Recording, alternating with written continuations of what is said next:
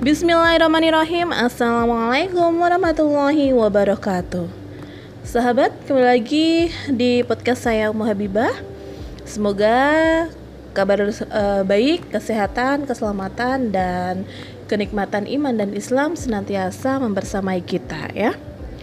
Di podcast kita kesempatan hari ini kita akan membahas tentang titik awal dakwahnya Rasulullah Shallallahu Alaihi Wasallam. Sahabat, ketika Rasulullah Shallallahu Alaihi Wasallam diutus untuk menjadi nabi dan rasul, beliau kemudian mengajak orang yang pertama kali dekat dengannya yaitu adalah istrinya Khadijah untuk memeluk Islam.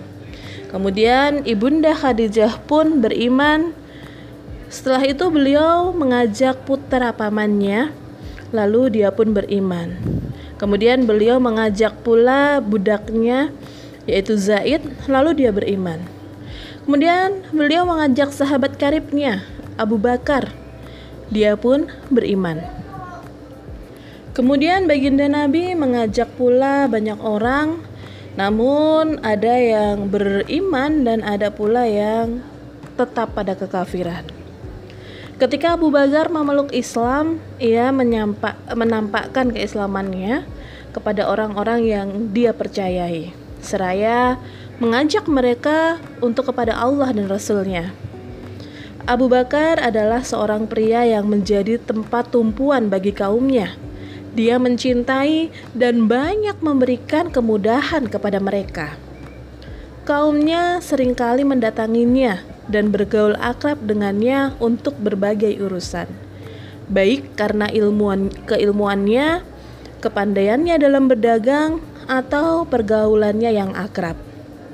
Maka tidak heran jika Utsman bin Affan, Zubair bin Awam, Abdurrahman bin Auf, Sa'id bin Abi Waqqas, dan Tolhah bin Ubaidillah memeluk Islam melalui perantara Abu Bakar. Abu Bakar datang bersama mereka menemui Rasulullah Shallallahu Alaihi Wasallam. Lalu mereka masuk Islam dan menjalankan sholat. Kemudian Abu Ubaidah yang nama aslinya adalah Amir bin Jarrah Abu Salamah yang nama aslinya adalah Abdullah bin Abd al-Asad, Arkom bin Abi Arkom, Usman bin Mashun, dan yang lainnya menyatakan dirinya juga masuk Islam.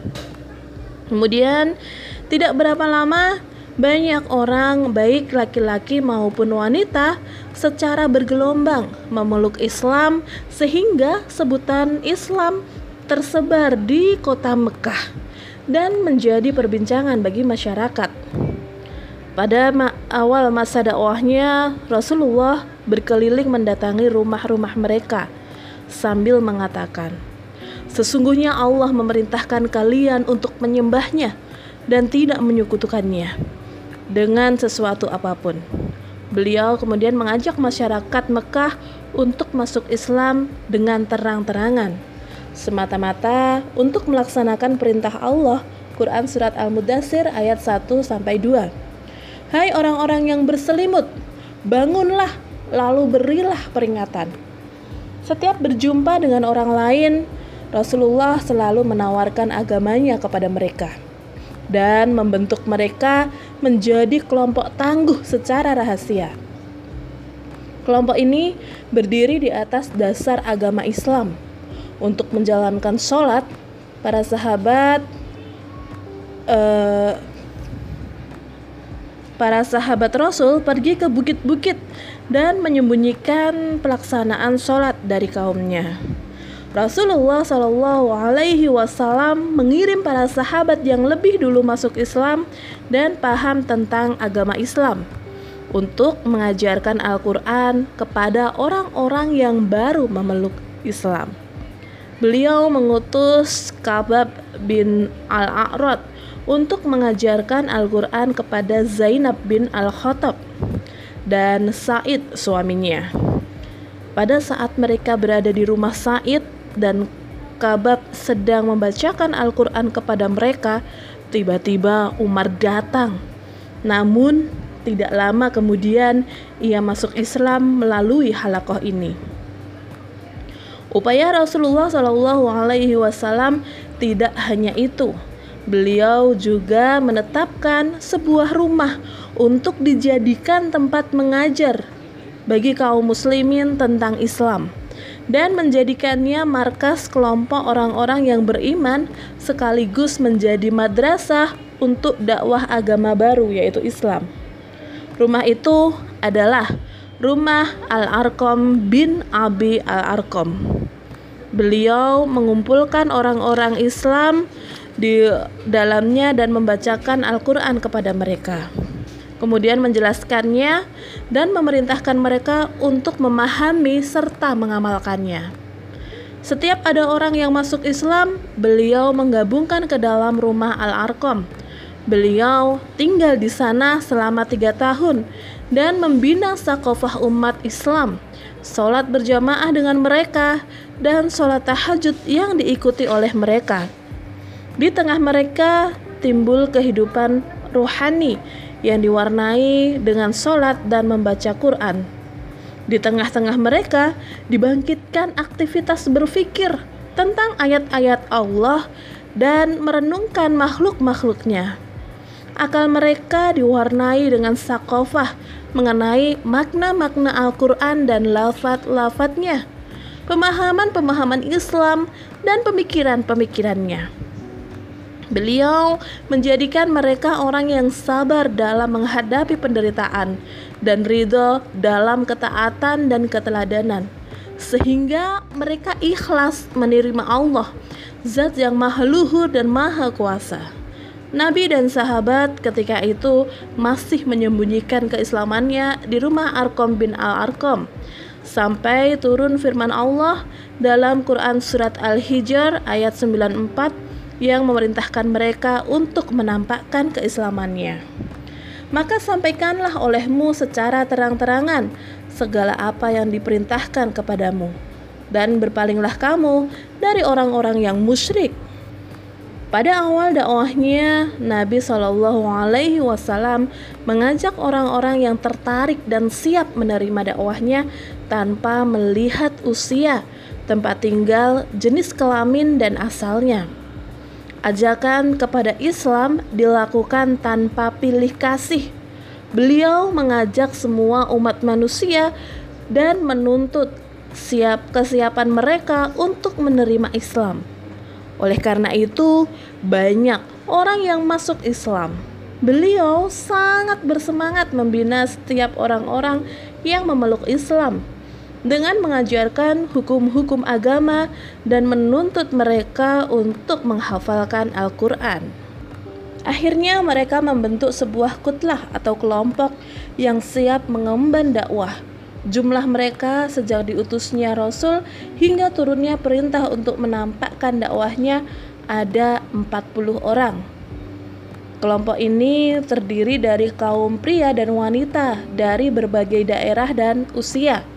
Kebanyakan mereka dari kalangan pemuda. Di antara mereka ada yang lemah, ada yang kuat, kaya, dan miskin. Setiap orang mengimani Rasulullah Shallallahu Alaihi Wasallam, mentaatinya dan menekuni dakwah bersama-sama dengan beliau.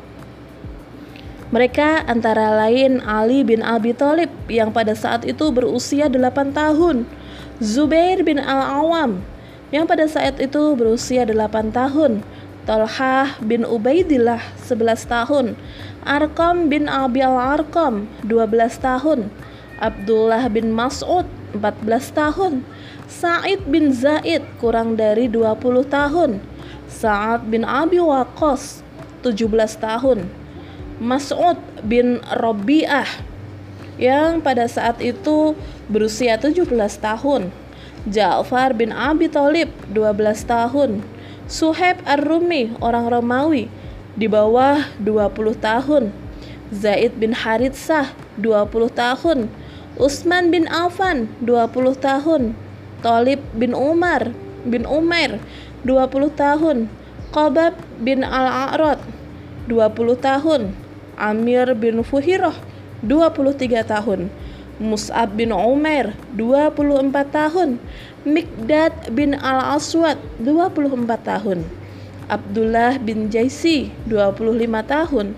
Umar bin Khattab 26 tahun. Abu Ubaidah bin Jarrah 27 tahun. Utbah bin Ghazwan 27 tahun. Abu Huzaifah bin Utbah 30 tahun. Bilal bin Rabah 30 tahun Iyas bin Robi'ah 30 tahun. Amir bin Robi'ah 30 tahun. Naim bin Abdullah 30 tahun. Usman Abdullah Qadamah dan As-Saib semuanya anak-anak Mashum bin Habib yang masing-masing berusia 30, 17, 17 dan 20 tahun. Abu Salamah Abdullah bin Abdul Al-Asad Al-Makhzumi 30 tahun. Abdurrahman bin Auf 30 tahun. Amar bin Yasir yang berusia 30 tahun dan 40 tahun. Abu Bakar Ashidik 37 tahun, Hamzah bin Abdul Muthalib 42 tahun, dan Umair bin Al-Haris yang berusia 50 tahun. Begitu pula terdapat beberapa kaum wanita yang beriman. Jadi di dalam kutlah ini memang kebanyakan berisi para pemuda. Nah, ketika sakhafah para sahabat sudah matang, kemudian sudah terbentuk dalam akal mereka akal yang islami, akliyah islamiyah dan jiwa mereka sudah menjadi jiwa yang islami, nafsiyah islamiyah dalam kurun waktu selama tiga tahun, maka Rasulullah Shallallahu Alaihi Wasallam merasa tenang dan meyakini ke kematangan pemikiran dan keluhuran jiwa mereka. Beliau menyaksikan kesadaran mereka yang terbentuk dari hubungan mereka dengan Allah tanpa berpengaruh dalam perilaku mereka. Perasaan beliau menjadi senang karena kaum muslimin telah menjadi sebuah kutlah yang sangat kuat dan mampu menghadapi semua kelompok masyarakat.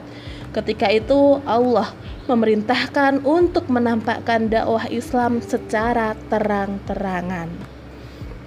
Namun yang namanya dakwah sudah tentu memiliki resiko ya.